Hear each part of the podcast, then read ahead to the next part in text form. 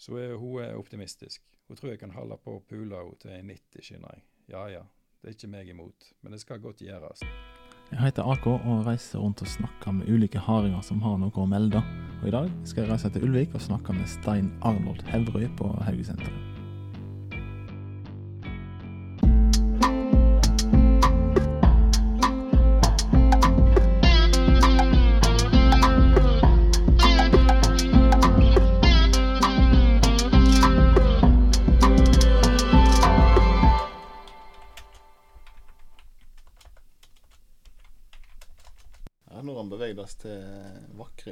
Som eh, ja, det er nok kanskje den fineste bygda i Hardanger. Og det er kanskje mange som er enige, kanskje flere som er uenige. Men vi kommet inn på et kontor som eh, ser ut som et kontor til en, en som har studert filosofi, og det tror jeg kanskje stemmer. Og da er det Stein Arnold Hevrøy vi har eh, beveget oss inn til på Haugesenteret. Velkommen. Eller velkommen til meg inn på kontoret ditt. Vær så god, og tusen takk eh, for at du er her. Ja, ta, vet jeg tatt imot med norgesglass med vann og mengder med bøker og papir på pulten. Er dette en vanlig kutyme på arbeidsplassen din? Eh, Ja, norgesklasse er på en måte spesielt for deg. Men uh, ellers så uh, ser det sånn ut både på dette kontoret og hjemmekontoret. Ja, det er veldig, Ja. veldig koselig. Men Haugesenter, ja. Da, um, hva, um, hva jobber du med? Jeg jobber med forskning og samling. Altså jeg har ansvar for uh, boksamlingene til Hauge uh, som konservator. Og så uh, jobber jeg også med å forske på Hauge og diktene hans, og arrangere lyrikkseminarer og få andre til å forske. Ikke bare på Hauge, men også lyrikk generelt. Det er kult. Det er kult. Det er kjempekult, faktisk. Ja, for altså, du kom her til i eh, 2014. Du kom med buss og hadde søkt på jobb. Hva er entreen din i bygda? Hvordan, eh, hvordan var det? Nei, Jeg spurte bussjåføren om eh, han har stoppet på Haugesenteret. Eh, Seinere har jeg forstått at jeg fikk veldig god ekstraservice, for da svingte han rundt eh, og eh, ja, stoppet rett og slett på trappen omtrent til Haugesenteret. Og så sa han at eh, ja, nå har jeg gitt deg ekstraservice, og nå syns jeg du skal liksom dryle til på dette jobbintervjuet. Så han skjønte KSQ. Ja. Ja. ja, han så at du ikke var lokal, kanskje? Ja, så så jeg kanskje Både så at jeg ikke var lokal, og så satt jeg sikkert og trippa litt og var nervøs foran før jobbintervju. Ja. Sånn som jeg gjør ofte. Men du drylte til? Det gikk jo bra med den saken. eh, eh, Jeg fikk jo jobb, så ja. Veldig bra. Hvor mange er det som eh, jobber her? Og ikke si omtrent halvparten. Det, det, det er det jeg pleier å si. Vi er fire faste her på huset. Ja. Og så er vi jo mange flere da, i Nynorsk kultursentrum, som vi er en del av. Stemmer. I Åsentunet i Jørstad og Vinjesenteret i Telemark. Men det var altså diktingen til Hauge da, som gjorde deg eh, interessert, og det gjorde at du søkte på jobb. Hva, hvordan var det? Eller hvordan begynte du å like det? Nei, altså Jeg tror jeg kanskje husker Hauge først fra et, eh, fra et korverk som Knut Våge hadde skrevet, som vi, som vi sang da på Langhaugen og gikk der. Og så begynte jeg å legge merke til Hauge i, i media og sånt. Jeg var ikke så veldig diktinteressert på den tiden, men Hauge gjorde veldig inntrykk. Eh, og, og når det ble løst ut jobb her, så kjente jeg jo til han, og var en Hauge-beundrer da. Eh, Men så kom jeg jo her og skjønte mer hva jeg skulle drive med, og da ble jeg rett og slett begeistra. Jeg ble tatt inn uh, i, i museelokalene, og der var det en gjeng som holdt på å plassere boksamlingen til Hauge inn i hyllene der de skulle stå. Da. Um, og da fant jeg jo fort veldig mange bøker jeg hadde eh, viss kjennskap til, og en del bøker jeg hadde veldig god kjennskap til. Så det, det var utrolig kult å se at uh, jeg hadde noen felles, felles interesser med Hauge. da. I tillegg så uh, er det jo sånn at uh, veldig mange ting kan du lese hvordan han har lest. Han har mange ja, tanker og henvisninger i margen, da. Så det, det å drive med sånn margstudier av Hauge sine lesninger er ganske artig. Iallfall for, i fall for sånne som meg. Uh, så det Ja. Jeg tror jeg kanskje kjenner ganske mange som vil si at margstudiet av Hauge sine tekster kanskje ikke er det kjekkeste i verden. Men mm. det er vel kanskje det som er kult, da. Å kunne eh, gjøre det, og så eh, formidle det ut på en sexy måte. Altså det sant, For eksempel et uh, dikt som 'Hverdag'. sant? Uh, det har jo blitt veldig kjent som uh, 'menn det går an å leve i hverdagen òg'. Det er blitt sånn slagord. Og, og, og, så glemmer man liksom resten av diktet, da.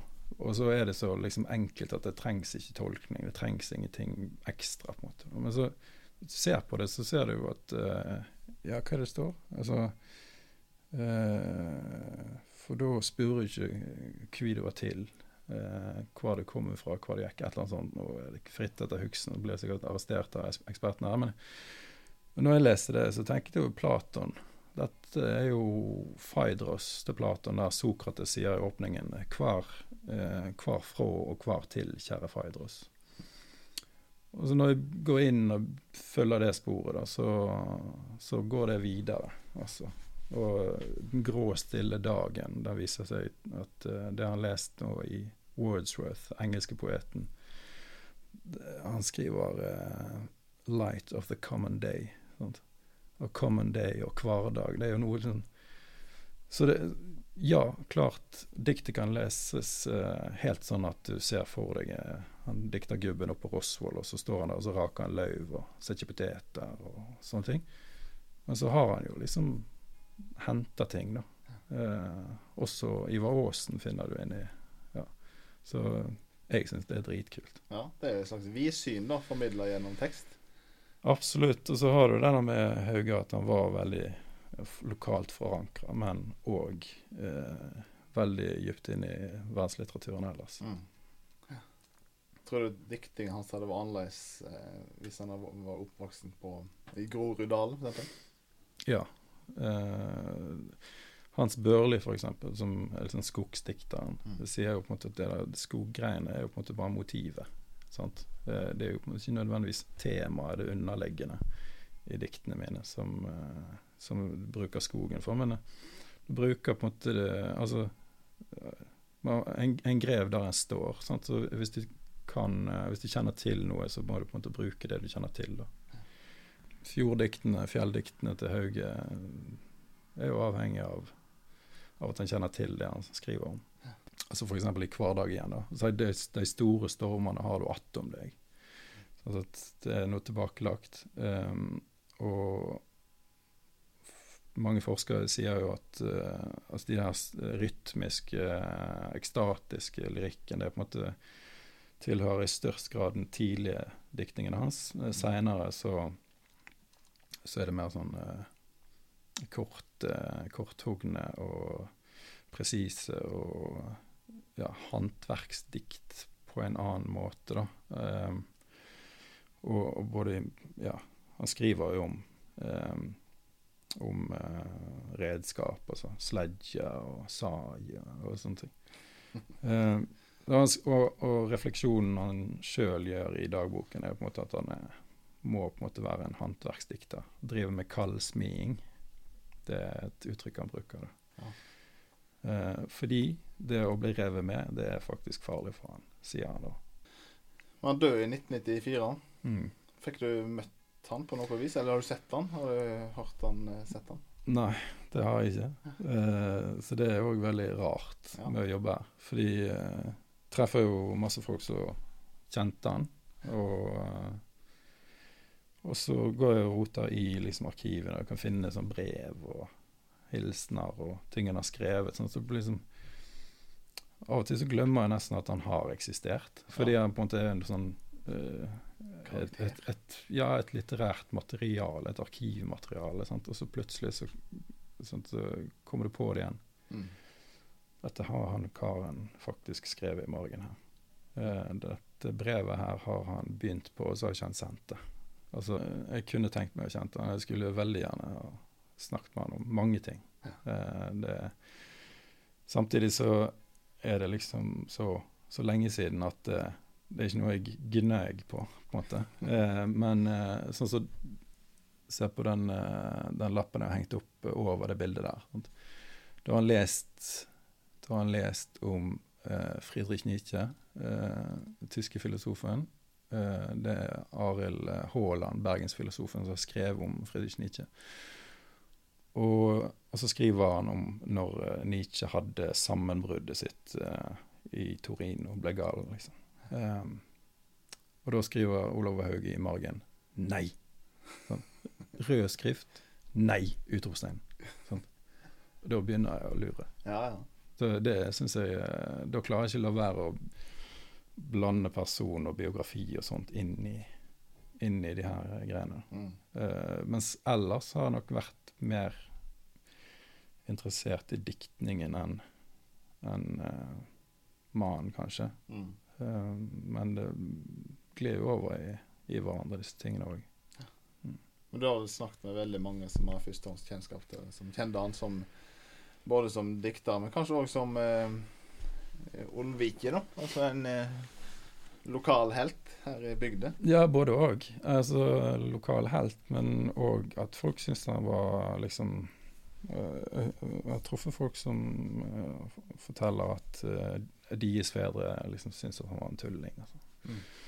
Så um, Med det misunnelse, eller var det sånn profet i egen bygd-greie? Nei, det vet jeg ikke. Men det er jo på en måte Vi er jo i en annen tid enn enn da når han vokste opp, iallfall spesielt. Og, det, og dette med psykisk helse og det å eh, ha ulike interesser i det hele tatt. Sant? Altså Man sier jo det at eh, altså Litt sånn gammeldagse samfunn, de, når alle gjør det samme Altså Du har det samme der jeg kommer fra Austevoll. sant? Og eh, folk er i fiskerinæringen, eh, stort sett. Eh, eller her, der det har vært jordbruk. Eh, I samfunn der eh, folk flest driver med det samme, eh, der blir det ganske sånn hardt slått ned på de som er litt sånn avvikere. da. Mm. Eh, mens, mens i vår tid, når eh, vi har mer det man kaller en eh, eh, organisk solidaritet Altså uansett hva du driver med, så eh, vet man at man er avhengig av andre. Er Sant? Eh, og eh, ja, eksempel er jeg helt avhengig av bussjåføren jeg satt på med, eksempel. Og hvis jeg skal på eh, ja, skal, skal på et eller annet kulturelt, så er det avhengig av at noen gjør det. Sant? Og alle er på en måte avhengig av hverandre. Da, da er, det mye, da er det man mye mer tolerant overfor på en måte avvik. Da er ikke avvikene avvik lenger, da er det helt vanlig. Mm. Mens i Hauge sin tid, da har han vært en ekstrem raring, sikkert. Mm. Um, de sier jo at han skortet unna litt sånn gardsarbeid, og, og iallfall delvis fikk lov til det. Sant? Men at han satt opp i et tre og leste og sånn. Um, Ja, det er jo ikke inn forbi. det, er, det er ikke Nei, sant. Tok ikke det, en haie før det begynte å regne. nei, det, eh, så sånne ting er jo Og man var på en måte da tenker jeg nå at eh, Ja, at det er ikke spesielt egentlig for Hauge sitt tilfelle, men alle som alle som er annerledes, da. Um, Ja, nei, det er jo et helt annet samfunn, selvsagt. Nå, med konformitetssamfunnet der alle liker, men alle prøver individualister, men alle ser jo De fleste ser iallfall like ut. Mangel på opprør er dagens opprør blant Ja. mange. er ingen som slåss, ingen som drikker, ingen som har seg, og ingen som hører på heavy metal lenger. Det er, ja, nei, det er Kygo har tatt over. Men eh, du er jo ikke harding. Du er da eh, en sjølutnevnt slostril. mm. Da må du jo da forklare. Ja, Slostril er jo eh, Det er på en måte litt humoristisk. Strila sl- Striler kan kalle seg sjøl for å ha blitt kalt for. Eh, men jeg vokste opp i Austevoll og eh, har sløyd mye fisk. Eh, så det, det er på en måte noe jeg har savnet og savner fremdeles. Det å Jeg husker liksom da jeg lærte å sykle sånn seks-sju år, og så skrive og regne sånn omtrent samtidig. Og så ti år så kunne jeg ro. Og, og fra da kunne jeg liksom ro for meg sjøl. Og da drev du med, liksom? Ja, det gjorde jeg egentlig hver dag i mange år. Altså rodde en eh, Det er ikke en Oselva, men en ganske lik båt. En færing. Ja. Så jeg rodde mye. Og så uh, var jeg ute aleine, og så fisket jeg. Uh, var det litt vind, så bitt det fast i en sånn blåse midt i veivågen der jeg bodde. da. Så da kunne liksom farmor uh, se meg og følge med og sånn. Men så ja, slo slostrill, du vet hvordan du skal sløye iallfall. Um, Er det én definisjon? Det er en som veit hvordan en skal sløye fisk. Ja. Eh, og så stril, da. Det er jo én måte å fortelle hva en stril er. En, en, en fra øyene så så kan ro til byen på en dag. Jeg skal være ganske sprek hvis du ror fra Austevoll til byen på en dag. Men eh, kanskje de gjorde det.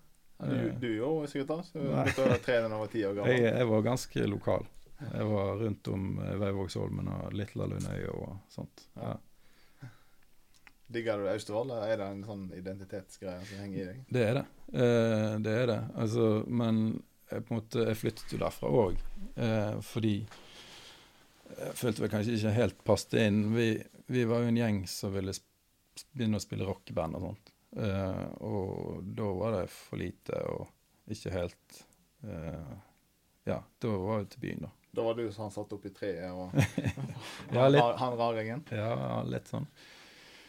Uh, så da endte jeg med å bo i byen i 20 år. Ja. Men Spilte du band, da? da spilte jeg tre forskjellige band før jeg begynte å studere.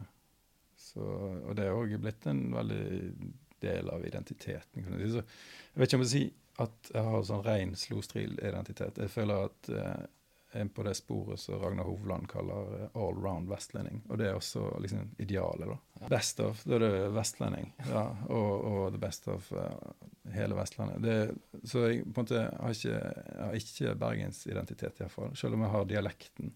Eh, og ikke helt harding, selv om jeg er blitt veldig glad i Hardanger. Så, men jeg er iallfall vestlending. Ja. Det, det er ikke tvil om. Mm. Men eh, altså språket, da. Det er jo òg en identitet. Mm. Um, Østfoldingene er da eh, innenfor nynorsken, eller er det for Ja. ja. Ja. Så, eh, så den har du med deg fra du var ja da. Det, så jeg har vokst opp med nynorsk eh, skriftspråk Ja. i skolen. da. Men det har du likt, da? At å skrive sjøl og liksom formidle gjennom Jeg hatet å skrive og lese da jeg var liten. Og synge. Det var det verste jeg visste. Så eh, da Bra karrierevalg. Ja, bra karrierevalg. Så det, men eh, det er ikke alt du slipper unna. Men da, sant, men da jeg var liten og begynte på skolen, var jeg utrolig glad i matte. Og Ja. hoderegning. Og satt og lå om kvelden før jeg sovnet og liksom hva, hva, hva er fem pluss fem pluss ti pluss åtte pluss 19 og ganger sju, liksom. Det var gøy, da. Ja. Det er også idrett. Eh, Men eh, skriving og lesing og sånt, det var Men hva, hva som gjorde at det endra seg, da? Var det Mm, nei, det er kanskje via musikken litt. At eh, eh, Også det, også at man ble eldre. Eh, jeg husker liksom jeg begynte å oppdage altså litteratur. Begynte å lese Pelle Proffen og sånt eh, etter at eh, de filmene kom. Eh, det, var, det var kult. Og så leste vi eh, Hovland-romanen på, på ungdomsskolen. 'En motorsykkel i natta'. mm. Den syntes jeg var dritkul. Eh, så de to, Ann Bjørnsen og Ragnar Hovland, eh, har lest masse av. Så da var jeg liksom skjønte at det kan jo være kult, da. Mm. Eh, under er ungdomsskolen, da, så egentlig ja, da var jeg liksom på glid at det ikke var helt dølt. Mamma hadde jo liksom vært fortvilt fordi at jeg ville ikke lese. Hun ga meg en krone for hver side i Onkel Toms hytte. Sant? Og, ja, eh, så gjorde jeg det, da. Ai, 152 kroner. Så. Takk. Eh, var ikke det en fin bok? Så. Nei. Det var, sa meg ingenting. Ja. Sant? Eh, men så var det der med eh, Iallfall back in the day så satt vi jo med eh, CD-cover og leste tekstene. Og puggetekstene. Uh, sant? Om det var Soundgarden eller Rage Against the Machine eller Primus eller liksom da, Så da var jeg på en måte en sånn slags Skjønner jeg nå, da, syns jeg nå er mer sånn diktlesing eller lyrikk. Mm. Um, forhold til en sanglyrikk, da. Uh, hos de her heltene vi hadde. Så og forholdt oss veldig aktivt til, til tekst. mm. Sånn. Så går det an å si at din vei til Hauge var gjennom Ragnar Hovland og Race Against the Machine? Det er ikke helt feil, iallfall. Så jeg, eh, er med på den. Men eh, leseglede, da. Du har sikkert noen ungdommer innom her i Haugesenteret. Har du noen tips til hvordan det kan stimulere til leseglede blant unge? Ja, iallfall uh, Utenom å kjøpe CD-en til Ja. så... og Altså, jeg husker jeg liksom skulle, skulle eh, snakke om eh, både Hauge, eh, men også andre liksom, samtidige forfattere. Gunvor Hofmo, for eksempel. Som er veldig sånn seriøs, litt tung og ganske dyster sak. Der var det veldig stor forståelse for det. Og, og gjerne blande inn litt biografi. Fortelle, gi kontekst. Eh, så det, det var liksom litt overrasket over at, eh, at liksom kidsa syntes det var, var så ålreit. Mm. Eh, og, og gjorde det samme med Rolf Jacobsen.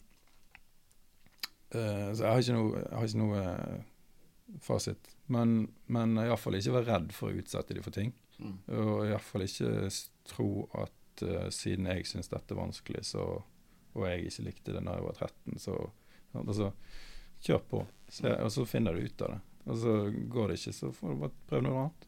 Mm. Uh, så det, og jeg tror det er veldig mange som syns at lyrikk er veldig farlig. Det er kjempevanskelig, den tyngste sjangeren å komme inn i og sånt. Uh, jeg tenker liksom at jeg, jeg forstår det. Jeg har vært uh, og tenkt litt sånn sjøl, og så er jo på en måte vanskelig å si hva et dikt handler om, på samme måte som du skal si hva en film handler om, en roman handler om Kunst.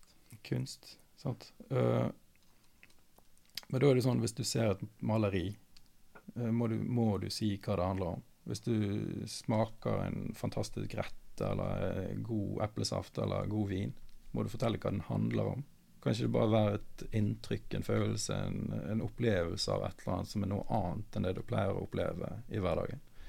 Det er liksom viktigere, tror jeg, for min del iallfall. Liksom at jeg trenger ikke skjønne det. Hvorfor skal jeg skjønne det? Jeg trenger ikke forstå bilen eh, inn og ut, selv om jeg syns det er kjekt å dra på tur. Mm.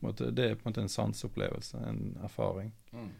Så det å liksom åpne seg for at du ikke trenger å skjønne det, men du kan bare erfare det. Mm. Og så, hvis du ikke får noe ut av det, nei vel, det er helt greit. Men du får tydeligvis noe ut av eh, diktingen til Hauge, da. Selvsagt. At du får Ja, jeg syns jo det Ja. Det gir, det gir det noe. Det gjør meg noe. Det gjør det. Eh, det er sånn Et godt dikt kan jeg liksom tygge på lenge. Mm. Eh, og jeg leser ikke Jeg leser ikke mengder, men det er liksom sånn så hvis du sier hva mat liker du, hva vin liker du, hva musikk liker du, så er det veldig der med dikting òg. At det er fort gjort å se hva jeg ikke liker, og liker. Mm. Men hvis du først liker et dikt, så, så blir det ved meg, og så, så kan jeg tenke på det i liksom årevis. Er det noe spesielt dikt, eh, Hauge-dikt som du som har med deg? Ja, jeg er veldig glad jeg kom ikke med hele sanningen, f.eks. Mm. Uh, og så veldig glad i uh, Framfor undergangen. Framfor undergangen. Jesu ord og Heraklits vasskraut kan ennå frelsa være. Så like til er det. Men han har jo noen definisjoner på, på, på haring. Nå har vi snakket om striden, som Mm. ror. Og som kan sløye fisk. Ja. Hva er din definisjon av en haring, da? Jeg vet det. Jeg, vet, jeg syns det er vanskelig å definere en haring. Hvis jeg tenker på en sånn bare sånn fritt eh, langt fram i pannelappen uten at jeg har reflektert voldsomt mye, så er det en som er utrolig glad i plasten den kommer fra. Eh, og så gjerne glad i røykekjøtt og heimabrugg og sider og eh, Vil gjerne dra inn i fjorden for sant? Uh, Nei, jeg skal inn i fjorden nå. Og, det, og det blir godt. Det skal bli godt, liksom. Og så, Ja, gjerne i, i at når en skal slappe av, så er det gjerne på fjorden, eller Ja. ved fjorden. Eller liksom. Og glad i Fjell- fjell, fjellet, Ja. Ja. Og der er en stor forskjell på meg som kommer fra Austevoll og, og folk her. Sant? Og så er det mangfold. Sant? Det er jo òg? Det, det er jo ganske tøft at du har eh, altså Ulvik og Odda og Kvam og eh, Mitt forhold var kanskje mest sånn Jondal.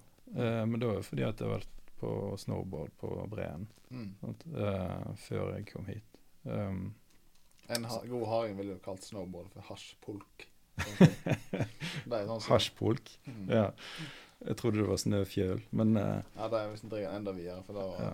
Vi var jo redde, selvsagt, alle som drev på med ja. snowboard. da. Ja, Da var det hasjbolk ja. ja. Da var Tåsen og Kalfaret IL, da og da var snowboard. Men eh, ja, så Jon, men jeg føler at det er en slags forskjell på bygdeidentitetene her i, langs bygdene. Altså når det er snakk om kommunesammenslåing, f.eks., uh, og, og snakk om Ja, hva hvis uh, Ulvik kommer inn i Voss, f.eks.? Mm. Så liksom, ja, vossingene er flinke, de, men, men det, er ikke, det er ikke hardinger. Mm. Og, det, øh, og for den saks skyld, øh, sant, Odda sant? Det var jo en som sa til meg liksom, at når jeg skulle til Odda da, ja, ja du skal til Røffe Odda. Du skal få, til, til Røffe Odda fra, fra Fagre Ulvik. på en måte. Ja. Så da er det på en måte sånne emblemer eller et eller annet man, man legger på. øh, uten at jeg Den eneste fyren jeg kjenner veldig godt fra Odda, da, er jo en jeg gikk i klasse med. Han, han er operasanger.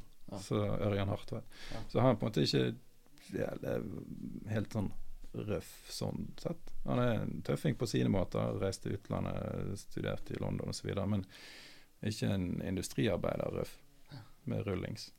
Nei, altså, men det er vel kanskje en subkultur i alle kulturer. Og det er til og med i Røffe Odda. Ja. Men du, du, du har følt deg tatt vel imot i bygda? Det er iallfall sant. Det, det, Ulvik er en bygd med stor takhøyd, vil jeg si. Ja. Så, På hvilken måte, tenker du? Altså, Nei, det er sånn et, Det er på en måte eh, sant? Jeg husker jeg var på Upskåka en gang. Ja. Eh, og, og da var jo eh, sant, hos en bonde, og så Ja, du er slik kulturmenneske, du. Sant? Og så jeg, ja, ble litt sånn satt ut. Sant? At, og da tenkte jeg ja, men her sitter jo han og forvalter eh, mange hundre år med kulturarv. Og så og så er det jeg som er kulturmenneske, på en måte. Det blir feil for meg. Men, men jeg skjønner òg liksom den her eh, Ja, det er forskjell på, på måte, det folkelige og på en måte det, det som man har lært seg på universitetet og sånt. Men, eh, men jeg fikk jo lov å være der, og, og, og, eh, og ble jo eh, tatt vel imot på Uppskåka, sant? selv om jeg da kom med grad fra universitetet og så videre. Og, og aldri vært noe sånn Aldri opplevd noe vondt her, sånn sosialt. Hauge sjøl? Ja. Hadde han, hadde han noen tanker om hardingen? Jeg fant jo noe eh, før du kom, s- i dagboken hans som syntes var litt artig. Eh, han skriver i dagboken dette fra 1959. Hardingene kan deles i to typer. Skraverne, uvyrdene.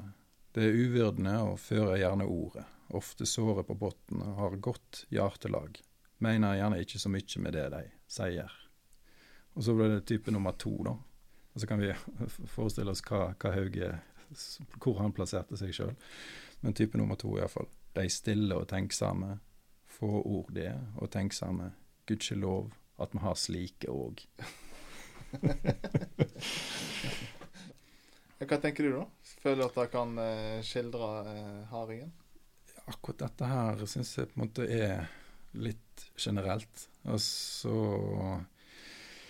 Du har jo de som tyter mye, og så har du de som er mer stille. Men eh, En er en som eh, Kanskje den litt, den, den, den litt halvkule fetteren på enden av bordet. som eh, sier noe helt til slutt. ja. Og da vet du det stilte ord som sokk. Ja, ord som sokk. Ja, ja eh, gudskjelov at vi har slike òg. Ja, nei, men eh, Eller eventuelt en harding en som tenker seg om to ganger før han ikke sier noe. Ja. ja, det er, det, ja, og det, det skal jeg jo ikke skryte, eksempel. Nei, det er, det, er en- det er en ting. Det ikke tror, til andre, men iallfall ikke til seg sjøl heller. Det er, en, Nei. det er helt krise. ja, ja. Det, det har jeg fått med meg at det skal ikke man gjøre. Ja, Hvis det er to hardinger som skryter av hverandre, så er begge like gildt. Ja. det er jo en klassiker. Ja. Jeg tror ikke Det er, det er ikke bergensere helt. Altså, De er utrolig stolte over alt mulig. sant? De har til og med vært stolte over Brann. Selvfølgelig, man holder med sine. Eh, Ja, men kanskje den der eh, lokalpatriotisme Det er sånn borderline lokalpatriotisme og sjølgodhet, da. mm. Det er, det er It's a fine line der, altså. Det er, det er litt vanskelig. Det, Mm. Men kanskje da, den, den, da at det er så ilt for en har en gang skryte av andre, gjør at en må, må skryte av noe. For en har jo et eller annet i seg, noe engasjement som må ut. Ergo så er det fjellet eller fjordet. Noe som er ja, stort og uregjerlig. noe, noe eksternt. Eh, og- og hvis du skriver skri- om eh, 600 000 kvadratkilometer enn at naboen er flink å slå gresset. Ja, og hvis, og hvis du skriver naturlyrikk, så kan du putte deg sjøl inn der. på en måte, Så kan liksom naturen være maske for eget, sånn som det ofte er i romantisk naturlyrikk, som Hauge er eksponent for. Det er på en måte hva er bra med Ulvik. sant? Eh, da sier jo folk naturen. Plassen. Mm. Det er liksom ikke Det, det, er, ikke, det, er, ikke, det er ikke navlebeskuende eller uh, narsissistisk, på en måte. Det syns jo det bergenske gjerne kan liksom dette over i, da. Ja. Eh, selv om jeg er veldig glad i byen eh, og folkene. Så ja. Det er vakker plass. Det er liksom udiskutabelt. Det er Mm. god, godt matstell. Det er udiskutabelt. Det er liksom eh, Det er fint å være her. Det er udiskutabelt. Det er liksom Du, du kan ikke Ja. Du, det, det, hvis du nekter på det, så er det ingen som tror deg. Det er ingen som tar det seriøst. Eh, Så det er på en måte helt sånn det er. Nei, men det er en veldig flott plass. Mye kjekke folk. Mange overskuddsmennesker. Høy og dugnadsånd. Og det, det gjelder ikke bare Ulvik, men det gjelder i hele Ja. Bygde-Norge, kanskje. Altså. Ja, det tror jeg. Og det tror jeg er veldig bra.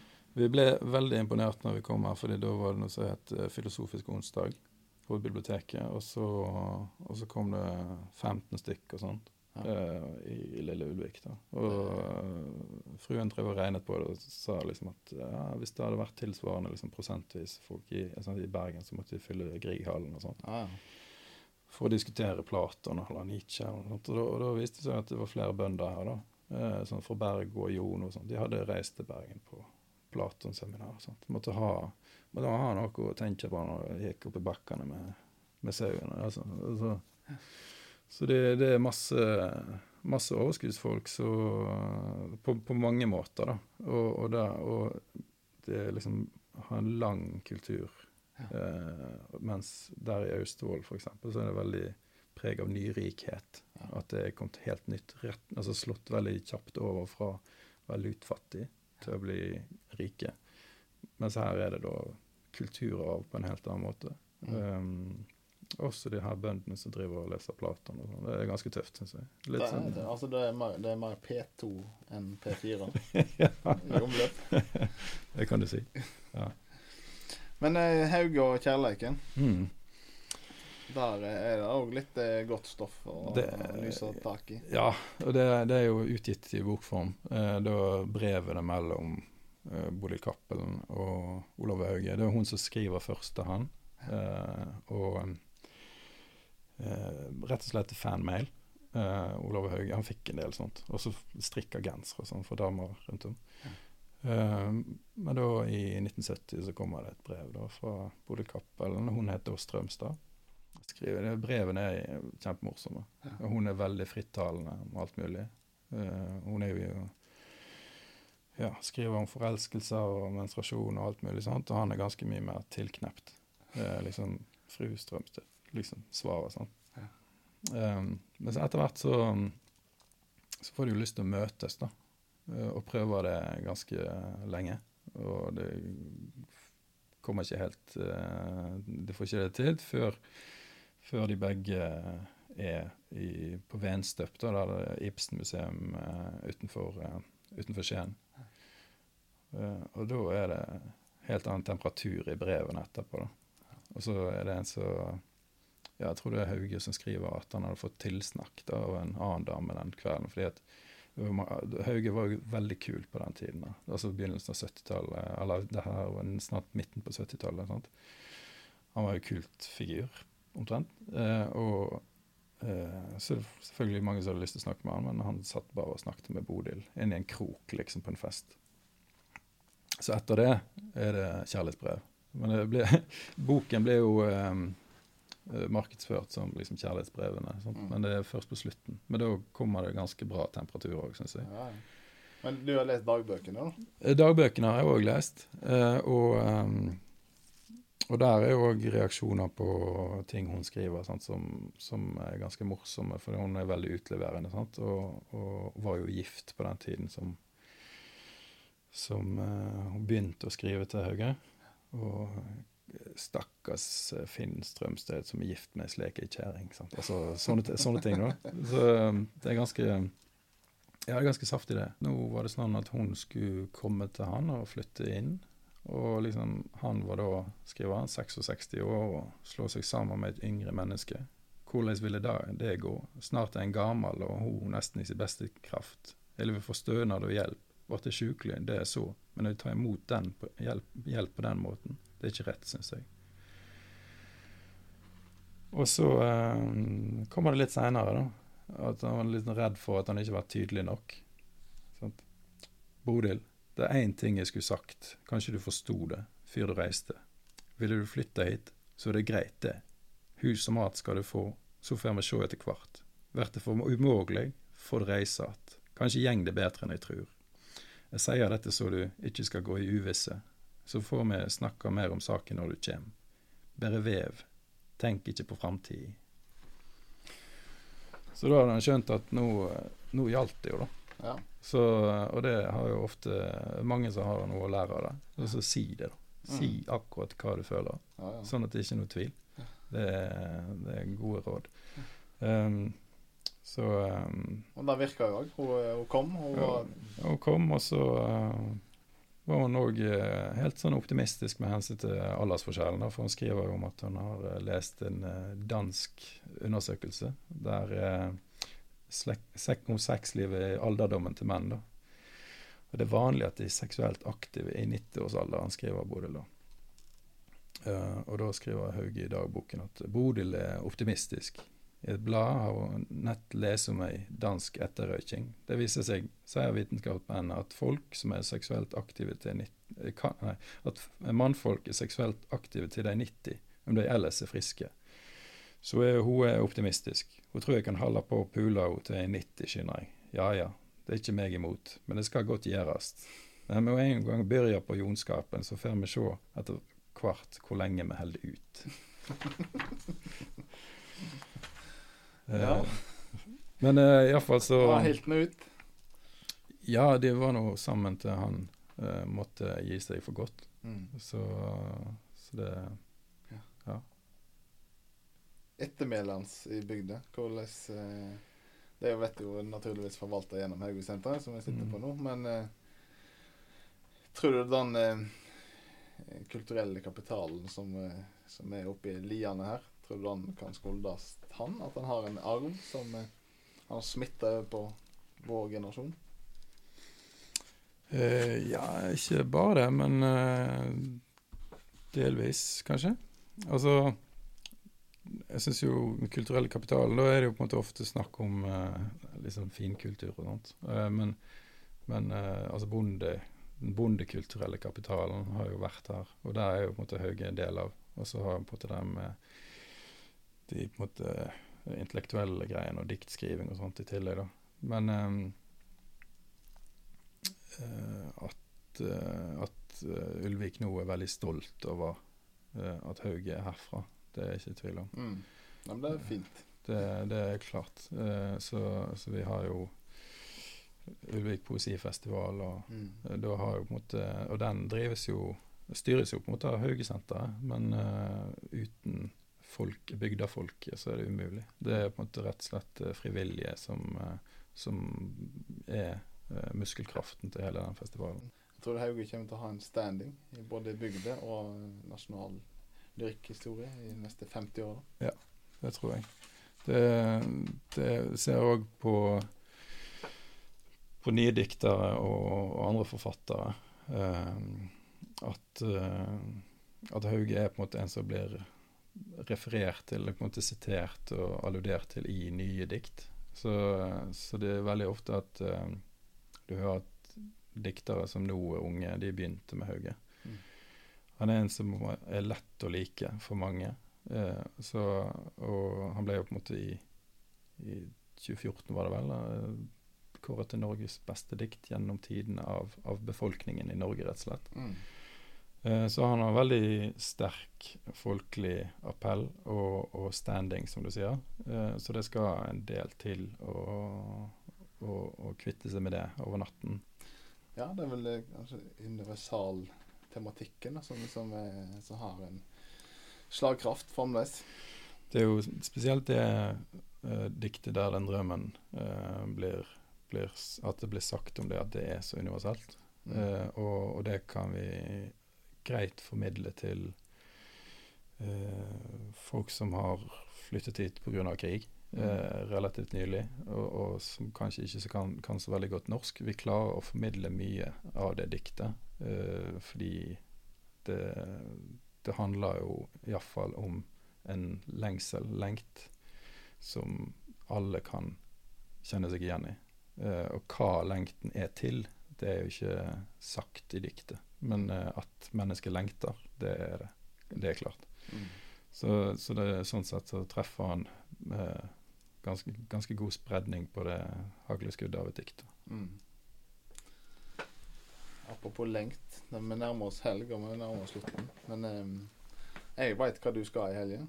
Eh, og da skal du få lov å fortelle. Jeg kan jo da gi et stikkord. Det handler om rost og smalafett. Og Hva er greia? Greia eh, Nei, de, de siste årene så er det jo blitt veldig populært å, å behandle eh, rust, Antirustbehandle biler eh, med et sånn uh, ullfettbasert produkt. da. Og jeg begynte jo med det her fordi at eh, jeg har liksom to biler, det er så dyrt med bil. Sant? Alt mulig. Det, det er jo bare tullete investering. Sant? Men når du først har bil, så er det veldig bra å ta vare på den. Så jeg begynte jo med det her eh, på egne biler, og så fortsatte med naboen sin og sånn. Um, I helgen skal jeg eh, ja eh, understelt behandle en Honda eh, i, i garasjen eh, med ullfettbasert produkt. Da. Det er grisete, men, men det er effektivt. Og det lukter det smale. Ja, en stund. Det går vekk etter to-tre uker. Så Fins det noe der du kan lukte smale alltid? Ja, det da, må du, da må du kle deg inn i skinnfell, tror jeg. Kanskje det er noe. Ja. Men altså, du har jo Det er en fantastisk Facebook-side som har Ja. verdens lengste navn. ja. Altså, det er ikke noe sånn der eh, bærekraft dream of the Nei, det er ikke vi. Nei, nei, det er ikke det. Og hva heter det da, altså? Antirustbehandling med sauefeit i Ulvik. Ja. Så det er så deskriptivt at det skal ikke gå an å ta feil av. Du må måte, Så mye markedsføring har lært fra å jobbe på Haugesenteret at eh, du må si hva det er, Mm. og hvor folk finner det, og, og hva det er for. Jeg liker jo å ta vare på ting, eh, og, og liker å hjelpe folk. Og eh, nå er det begge deler. Og så liker jeg jo å gjøre praktiske ting. Det er utrolig deilig å, å komme ut av kontoret av og til. Ut av lyrikkens verden og ut av PC-en. Og så ha helt sånn konkrete, praktiske problemer foran deg. Uh, og du vet hva du skal, og så skal du bare gjøre det i noen timer. Så da det, det er godt for mentale helsen. Da tror jeg det er mange som relaterer seg til. Ja. Men da tror jeg vi kanskje bare tar helg. Du skal finne smalafeite, jeg stikker til fjells. Ja. Og så kan vi ha en, eh, en avtale at begge to skal tenke litt på lyrikk i helgen. Ja, det, den er god. Er det en Ja. avtale? Yes. OK. OK. Takk for meg. Takk for meg.